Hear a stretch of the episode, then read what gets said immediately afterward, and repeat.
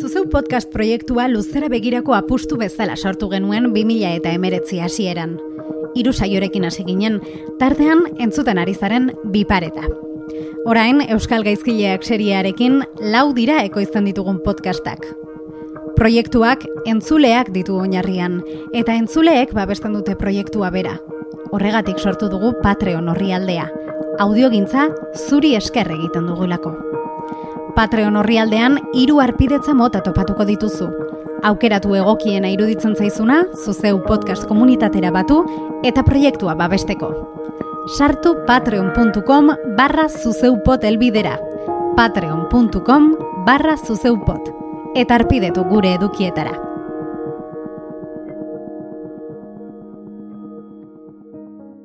Kaixo, zer modu, Zarrate Hernandez oiarbide naiz.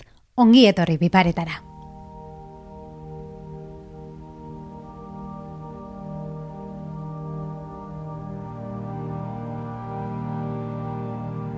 Nik uste deskonexioa handia dugula, gure buruarekin, gure egiarekin, gure gorputzarekin, eta hor dagola gakoa. Konektatzen garenean, bapatean dena fluitzen du, eta dena daka zentzu bat. Eskotan barita magiko baten bila gabiltza, eta barita magiko bakarra azkenen da geldiune batekin, eta zure barrura begiratzen astea. Eta hori ez da harik eta xamurra.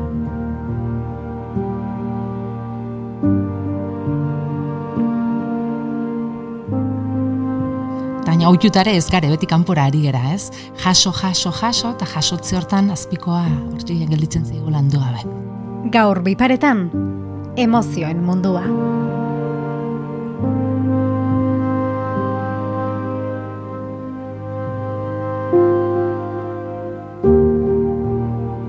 Bi pertsona ameslarirekin egingo dugu barrura begirako bidaia.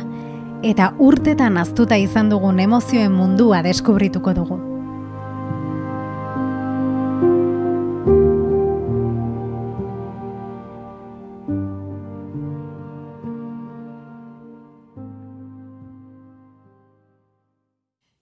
Izenez amaia jarra munduate, ai, amaren ere bigarren abizen hori ere esatere gustoko dut, askotan adirazten ez tegulako.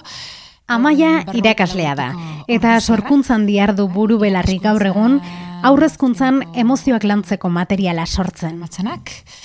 Eta, bueno, irakaskuntza hortan, azkeneko lau bost urtetan, pitin bat, ba, emozioen inguruko, ba, kezka horrekin, zer egin genezaken zertagon gure esku, eta horren inguruko formakuntza jaso, eta oaintxe zabal, zabaltzea asmotan. Bueno, ba, ni dona peianiz nieto bestela aurkezten den ere burua, e, emozioen fanatika bat, holako zerbait, e, bueno, ma, e, mundua aldatzeko grina duen emakumea. Eta Donak ibilbidea hezkuntzatik hasi bazuen ere, gaur egun, berak markatzen du norabidea edukando la emozion izeneko proiektuan. Bueno, horre aurkituet filoi handi bat, e, denoi mugitzen gaituen zerbait da.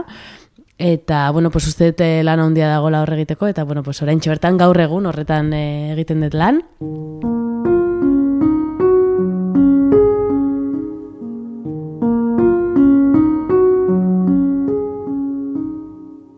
Eta orain, nola sentitzen zara? Ze arraroa, ze orokorrean nik egiten dut galdera hori, eta hori jasotzea niretzako e, oso flashantea da, ez, nola bait. E, ba, urduri nago, hola, emozio, e, gaientzen den emozioa urduritasuna esango nuke dela, gogo handia, ilusia handia, eta nola zerbait berria da naun eretzat, ba, ba, hola, ez, zirrara edo nola baiteko horrelako sentsazioa sentitzen dut. Bueno, mikrofono baten aurrean beti urduritasun puntu batekin, e, baino, bai, kuriosia da pitin bat ere mundu honek zer ekar dezaken eta zer eman dezaken ba, ikusteko. Ba, ikus dezagun.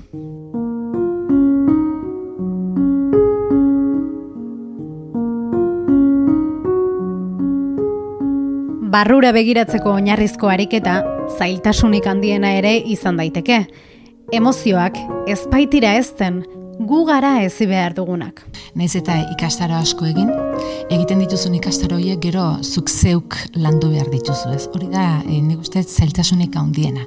Orokorrean, bueno, orokortzea beti ez, ez da egia, ez? Baina jo bai kostatzen zaigula eta ni lehenengoa jartzen naiz, e, nik e, lan egiten dut horreta, orduan nolabait e, badut harremana emozioekin, baina niri ere kostatzen zait batzutan jakitea nola nagoen. Hori da azken finean bilatzen ari garena, gure burua ulertzea.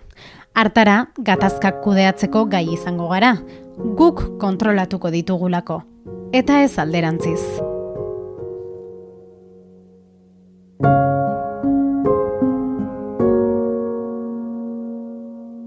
Sentitzen dugun horri izena jartzeko gai garenean, guregan bakarrik ez, ingurukoengan ere zerbait aldatuko da. Ikas dezagun nola? E, ariketatako mm, bat bada e, pizkin zure e, bizilerro hori ikertzea. Bai? Eta hori, ba, bueno, nik formakuntza Roberto Aguadoren bitartez jaso dut, e, eta Roberto Aguadok lehenengo egunetik jartzen zetu lan hori egin nahian. Gero bakoitzak egiten du ez du egiten, sakontasun batekin edo bestekin, eta zure bizilerro hortan, kuriosoa da, bai? pentsatzen jartzen zerenean, zein emozio gehiago agertzen diren, zein emozio gutxiago agertzen diren. Eta horiek aztertzea zoatzen nien, ia, zure urrengo gunez berdina da. Bai? Jabetzea askotan e, tristurari leku ez diozule egiten. Bai? Askotan galdetzen dezunean zer modu zauden Bueno, inertziaz, bai? Ondo hainbestean esaten dugun hortan, zergatik ez, bai? Ba, kulturalkian onartuta ez dagoen, bagar tristenago, garez nago nere honean, hau eta hau gertatzen zait, bai? Edo aserren nagonean ere, nire aserraldia bare adierazteko modu batez izan.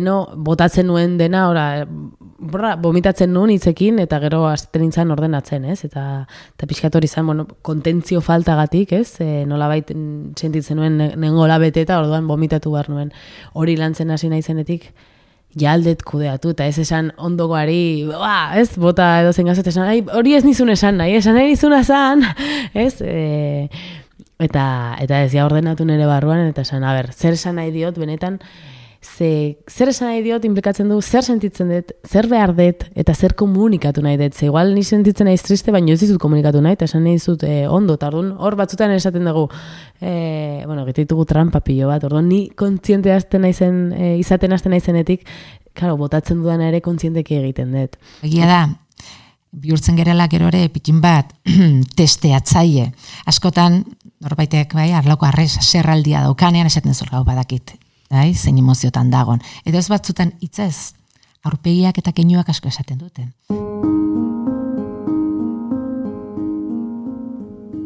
Ba, era askotara adierazten du gorputzak eta mm, nik ikusten dut e, bai nere buruan eta bai, bueno, pues inguruko jendearengan dagola tendentzia bat izkutatzea mm, gure mina. Eta nik beti esatet mugitzen garela plazerretik minera. Plazerra eta mina izango ziren poloak edo estremoak eta eta hor dago bizitza ez, batetik bestera. Eta konektatzen dugunean emozionalki gure minarekin hor e, ezego gustatzen orduan askotan gure tendentzia da blokeatzera. Nola, aserretzen adibidez, hau da, e, erabiltzen eta aserrea esplosioa e, kanporako energia, ez konektatzeko nire barrurako energianekin, nire minarekin, ez? E, nola somatizatzen, gripe bat, e, orzuelo bat, e, ez dakit, e, diarrea bat, eta horrela gaitezke gauza askotara. Bestera batera, e, e, per, ez dakit, tikekin edo ez olako tendentzia impulsiboekin, ezin dut kontrolatu, bale, bazen gelditzea, da ikustea, zer dagoen hor, zu saiatzen ari zarena kontrolatzen, eta galo, gorputzak esatizu, ez ez, eski hau, edo transitatzen duzu gorputzetik, edo horrela jarraitiko duzu bizitza guztia.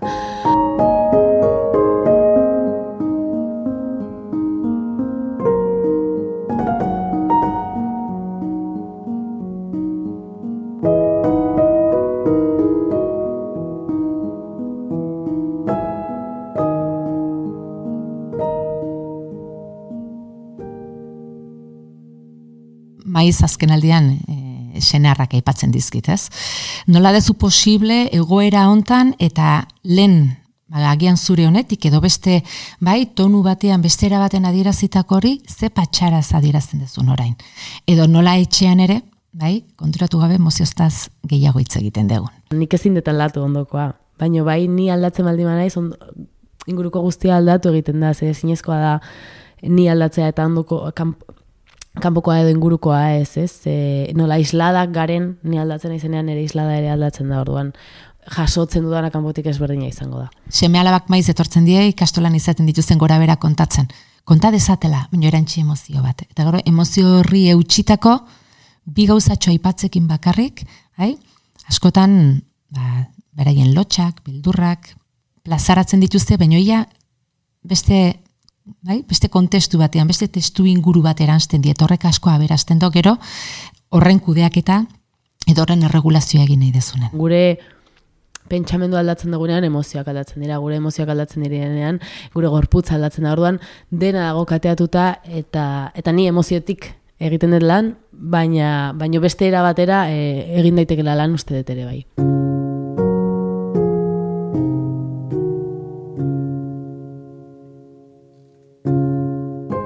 Harremanak ditugu lan esparru oso desberdinetan. Oso pertsona gutxik lan egiten dute bakarrik ordena badean gaiu baten aurren euren lanarekin.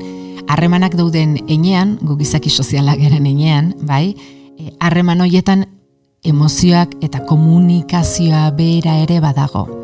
Eta gaur egun ikustetia zenbait, baita ere, e, enpresa potentetan ere hasita daudela euren arteko harremanak ez diote jarriko agian ikastorori emozioa izena, edo emozion kudeak eta izena, baina e, harremanak bai, lantzeko bidean badare. Hortan, ba, bueno, egia da, sakon xago lan egin beharko genukela, toritorriko da, aurrera xago agian, baina bai harremanak lantzeak bai suposatzen da emoziotaz hitz egitea.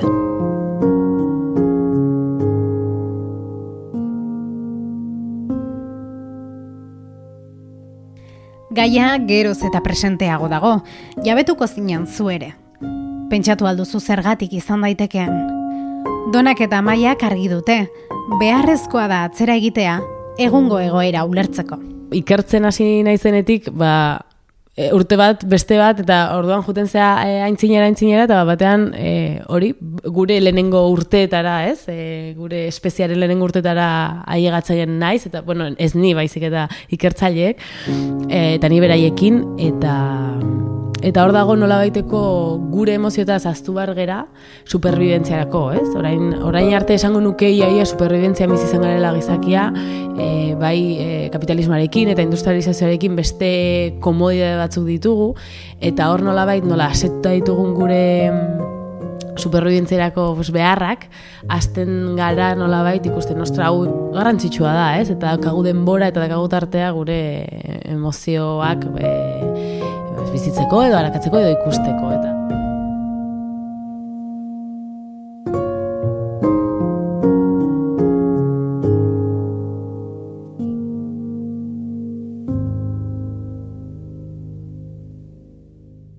batzuk badiote moda kontuare badala, uh -huh. bai? Nik uste moda baino e, ez dugu behar Hezkuntza bere garaian, sortu sortu zela industri ondoren, bai? Ba, lanera joan hortan, aurrak nun utzi zaintza bat, ardura bat behartzalako. Mm -hmm. hartako egoeratik gaur egungo egoerara, bai? Ba, aldaketa handia egon da, aldaketa hortan ere, ia ez da zaintza bat bakarrik eskola joatearena. Emozioen ere, zaitu iruditzen ez berria denik, bai? Baina bai, agian emozioaz konstienteki hitz egitearena da berriagoa, bai? Mhm aurrak beti ere e, gelaratzerakoan galdetzen diegu, zer moduz guntzaien gaua, goizan, noladaren, bai, emozio hitz egin dugu, baina agian ez hain era konstiente batean.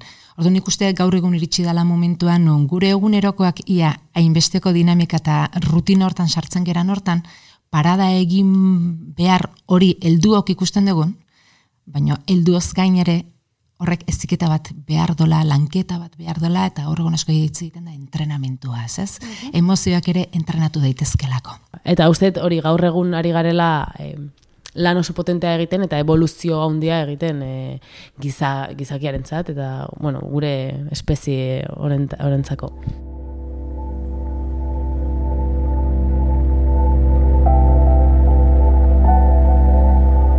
Adimen emozionala gure burua eta ingurukoena ulertzeko beharrezko tresna da, eta modu askotara jorra daiteke.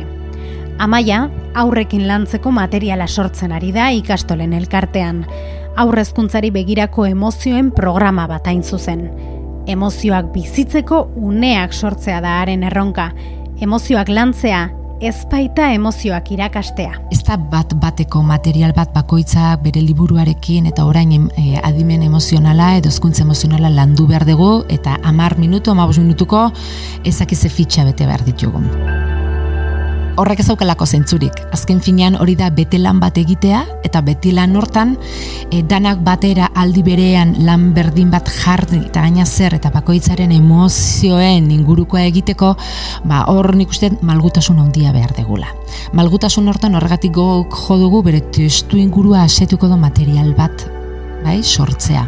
Beste testu inguru guztia bere inguruan dagoen, bai, elementuak dira. Eta elementu horietara e, aurra bera gerturatzen da bere interes eta behar izanen arabera.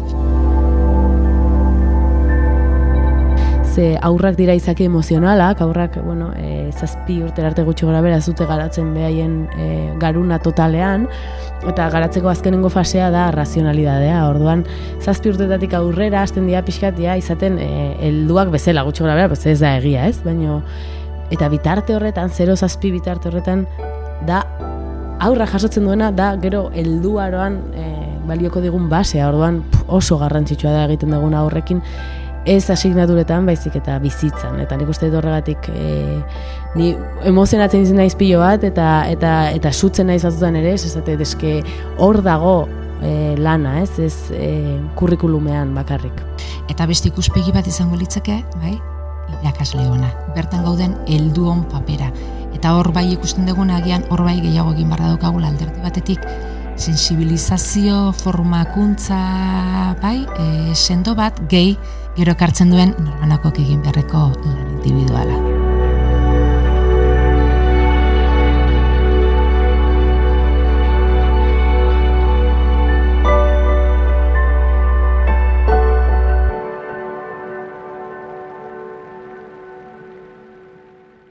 Lan individuala.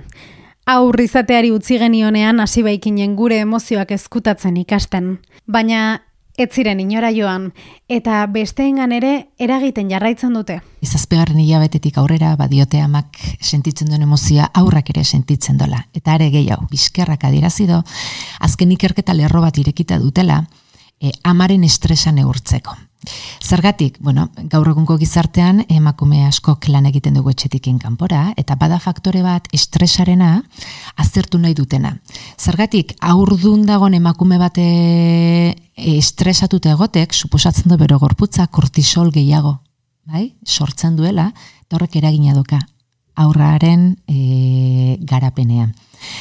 Ikerketak abiatu gaur eguna abiatu dia, denbora luze bat beharko dute, aurroiek jaio eta aurroiengan eragina ote daukan estres horrek aztertzeko.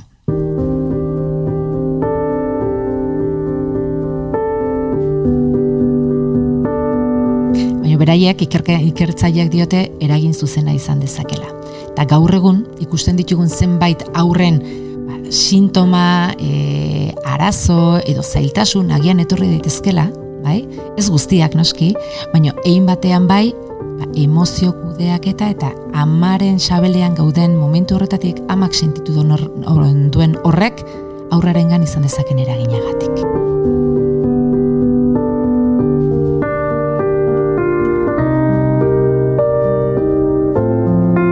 Donak bere esperientzia pertsonaletik tiraka landu du bere jakintza, gorputzetik lantzen ditu emozioak, norbera bere buruaren jabe izan dadin lagunduz. Pertsona helduekin batez ere. Ni hasi nintzanean hasi nintzan pixkat e, konpartitu nahian neri gertatutakoa, esan on, ni beti izan dut nire burua e, pertsona emozionalki inestable bat bezala, ez? Orduan esan, ba, ni aldaketa egin badet, mundu guztiak aldu, eta hori benetan sinesten dut, eta eta horre hori da pixkan nire motorea, ez? Esatea, jo, eske zer ez da imposiblea, eta eta benetan magikoa da emozio munduan murgeltzen garenean. E, orduan hasi nintzen pixkat, e, ba, itzaldiak egiten, formakuntzak ematen, eta, eta horrela konpartitzen, eta bueno, pixkat, e, bizitzak eraman nago orain, batez ere, bueno, formakuntzak ematen ditut, eta asko maite dut hori egitea, e, baina bakarkako saioak edo familiko saioak hasi nahi ematen, eta beste mundu bat ireki zait, eta eta hori oso zuzena da, karo, azkenean formakuntza batean da, guazen konpartitzea denon artean, eta zer, oso berezia sortzen da. Baina bakarkako saioan da, ni norbaiten mundua e, akompainatuko dut, ez? E, bide bat e, sortuko dugu behaien emozioen mundu horretara murgiltzeko eta niretzako hori, horrentxe bertan izaten ari da nire pasioa handi bat.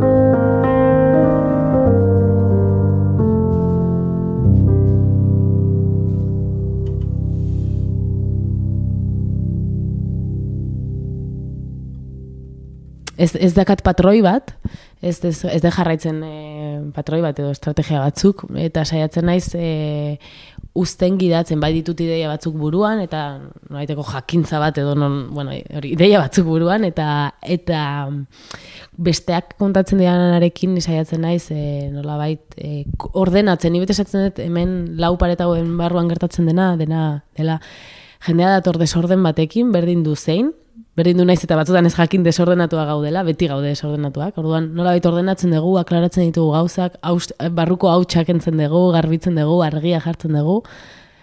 Jendeak ikuste dezan zer dago nor, e, pixuak ekendu dezan, e, bestakita alibatuaz e, sentitu, ulertu gauzak, eta gero bizitzara juten da, eta nibite esaten dut, e, lan terapeutikoa benetan gertatzen dela atetik juten garenean, ez? Azkenean konturatzen naiz ere asko bakarrik sentitzen gara mundu emozionalean sartzen garenean, ez?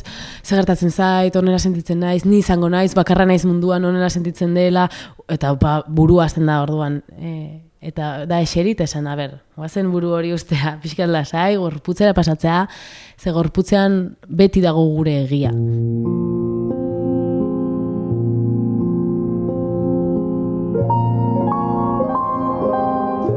Eta betiko galdera, burua eta gorputza, garuna eta bihotza, batera doa, zela banandu egin beharko genituzke. Ni hasi nintzanean prozesu honetan, e, bai separatuta ikusten nula dena, ez? Pues, nuk uste dut horrela, horrela ikasten degula eta horrela sinisten degula benetan, ez? Burua da gauza bat, gorputza da beste bat, ni naiz beste gauza bat, nire, bueno, horlako dena oso separatuta, eta geroz eta urteak pasala eta harakatu eta ikusitak, jendearekin konpartitu ikusten dut, ezer ez dagoela separatuta. Esango nuke ez da zu eta ni ez gaudela separatuta. Et... Gaur egon neurozientziari da hortan buru belarri, e, garbitute e, burua eta bihotza, gorputza, erabat lotuta dijoa zela. Bere hortan ere esaten dute emozioak milisegundu batik. Emozioak dijoz, arrazonamendua arrazoia baino lehenago. Bai, arrazoia, e, bueno, biologikoa da, ez? Naiz eta ez da oso poetiko eta horrero zizkigu batzutan gure mitoak, emozioak azkeneako erantzun fisiologiko, fisiokimiko bada, gorputzak egiten dona gu hartu gabe.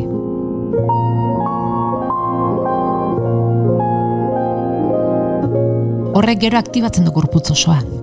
Gorputz osoa baita muskuloa, gorputzaren temperatura, nasketa, orduan e, emozioa eta gorputza eta emozioa eta arrazonamendua edo kognitibo dan hori hain dijozte lotuta batzutan lotura horiek ezin ditugula banandu.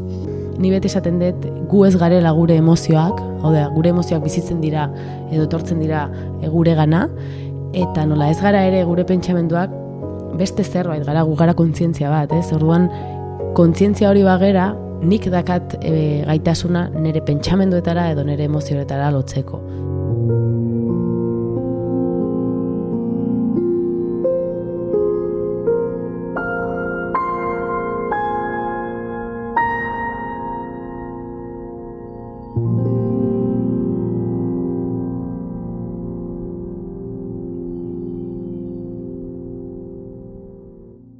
Jorge Bukairen zalgurdiaren alegoriak lagunduko digu hobeto ulertzen. esaten du karruaje batean daudela lau elementu. E, karruaje bera, ez? E, egurrezkoa zena eta botz, eramaten zuena pertsona. Pertsona garrantzitsu hori zijona karruajean. E, zaldiak, eta eta gidaria, ez? Lau elementu horiek, eta bera esaten du lau elementu horiek konbibitzen e, dutela gure barruan.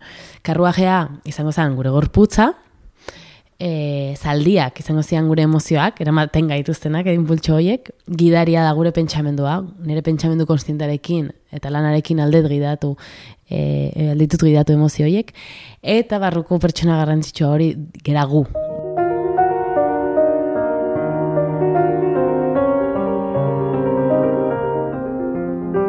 Kontzientzia hori bagera, nik dakat e, gaitasuna nire pentsamenduetara edo nire emozioetara lotzeko.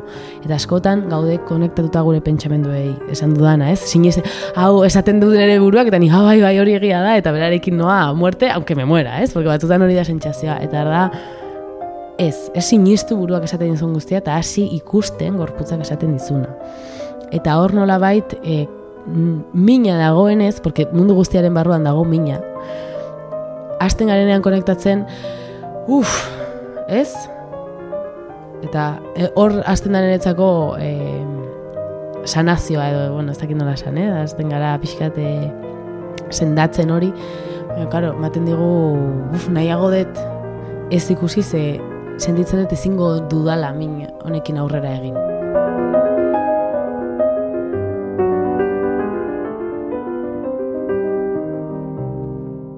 Ariketa simpleena, amez gaizto bihurtu daitekelako zenbaitetan. Geroz eta baliabide gehiago izan, orduan eta informazio gehiago izango baitugu. Eta ez kanpokoaz, gure buruaz baizik. Zuri ere gertatuko zitzaizun honakoa. Zure burua deskribatzeko eskatu eta katarsia. Nerezako oso fuertea da, eta ni hori pasadet ere, ez?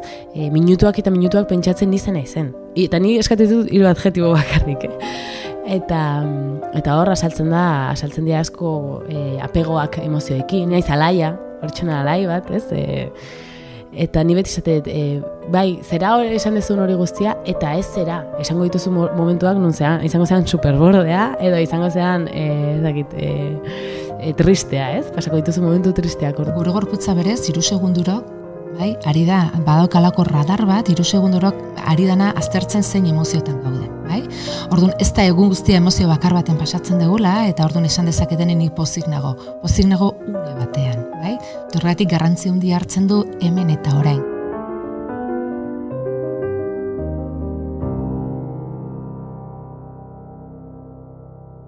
Hemen eta orain. Jabetu gaitezen esaten dugun horrek duen garrantziaz. Iztegi inklusibo, parekide eta barrak ez dira gutxi batzuen kapritxoz sortu diren ekimenak ez. Esaten dugunak garrantzi handia du. Oso importantea da e, zer esaten dugun e, zehazki hitz batekin edo bestekin eta eta bai nik ere uste dut ere buelta handia ari zaiolako e, ematen hizkuntzei eta eta hori erreflejo da. Nola zertan ari gara jartzen e, atentzioa barrukoari eta nire izin mintzen nao, eta zer da garrantzitsua, eta ez hitzau ez dugu erabiliko, erabiliko dugu beste hau, inklusiboagoa delako, edo, edo ez dako duelako hainbeste kalte egiten. Leno berdin zuen, zer guri gertatzen zaizitzaiguna barruti, gure emozioa, gure sentsazioa, gure sentimenduei, ez hitzaiolako ematen garrantzia. Orain bai, orduan niretzako hori erreflejoa da, zer ari gara e, jartzen hor fokoa ere, horregatik, ez? Ba, batean, ostra, mm, hau ez zaiten beste gustatzen, hau egonek mintzen nau, edo uf, eta oso importantea da e, nola hitz egiten dugun emoziotaz, gure buruaz eta eta mundua zorokorrean. Euskerarako, bazen betu e, kasutan, badaukagu, bai, iztegi nahikoa adierazteko, eta beste batzutan aldiz, bai, ba, gaztelerak eduki ditzaken aberastasuna zenbait bai? terminologia mailan euskeraz bilatu nahian gabiltza, bai? Ba, askot, askotan gertatzen dalako, e, zeo zer hain, hain, mm, zakin nola esan, konkretua danari izen orokor batekin deitzen diogulako. Orduan, horire bada pikin bat e, aztertu beharrekoa, eta nik uste etor badaukagula, bai, euskerako materialetan ere e, lan bat, bai, e, fintze, fintze aldera. Zegia da, ba, bueno, ba, erritxikia izan da, gore euskal herri hau, ba, gai askoren inguruan lanketak egin alizateko, entrenamentuan egin alizateko, ba, ez da oztopo, baina bai euskarako referentze gehiago beharko genituzkela.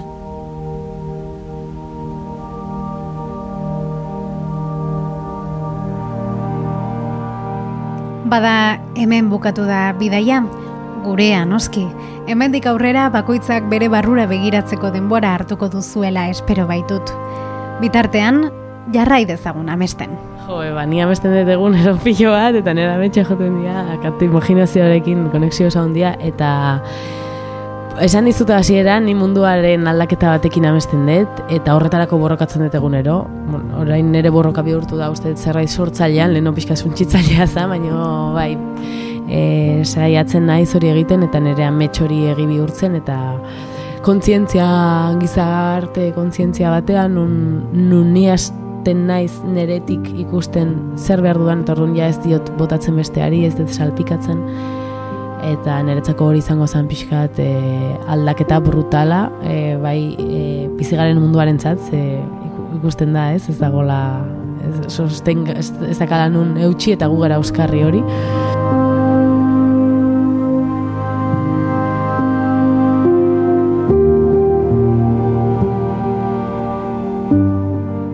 Pertsona ameslariek amets asko dauzkaten ez?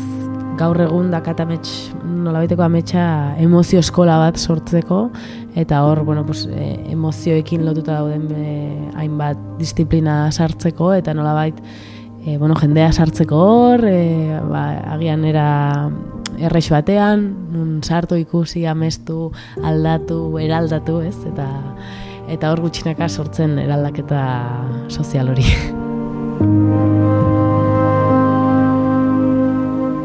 unkitu nie erres unkitzen, unkintzen naiz gauza askokin, bai?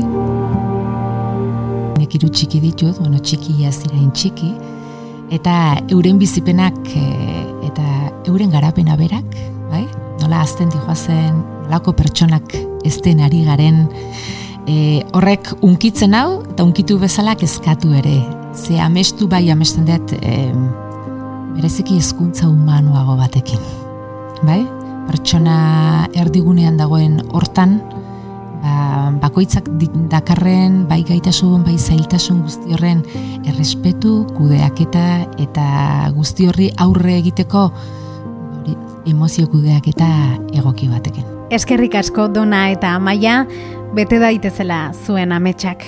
Baita zureak ere entzule, plazerra izan da zuek guztiak hor bestaldean imaginatu eta sentitzea besarkada estu estu bat.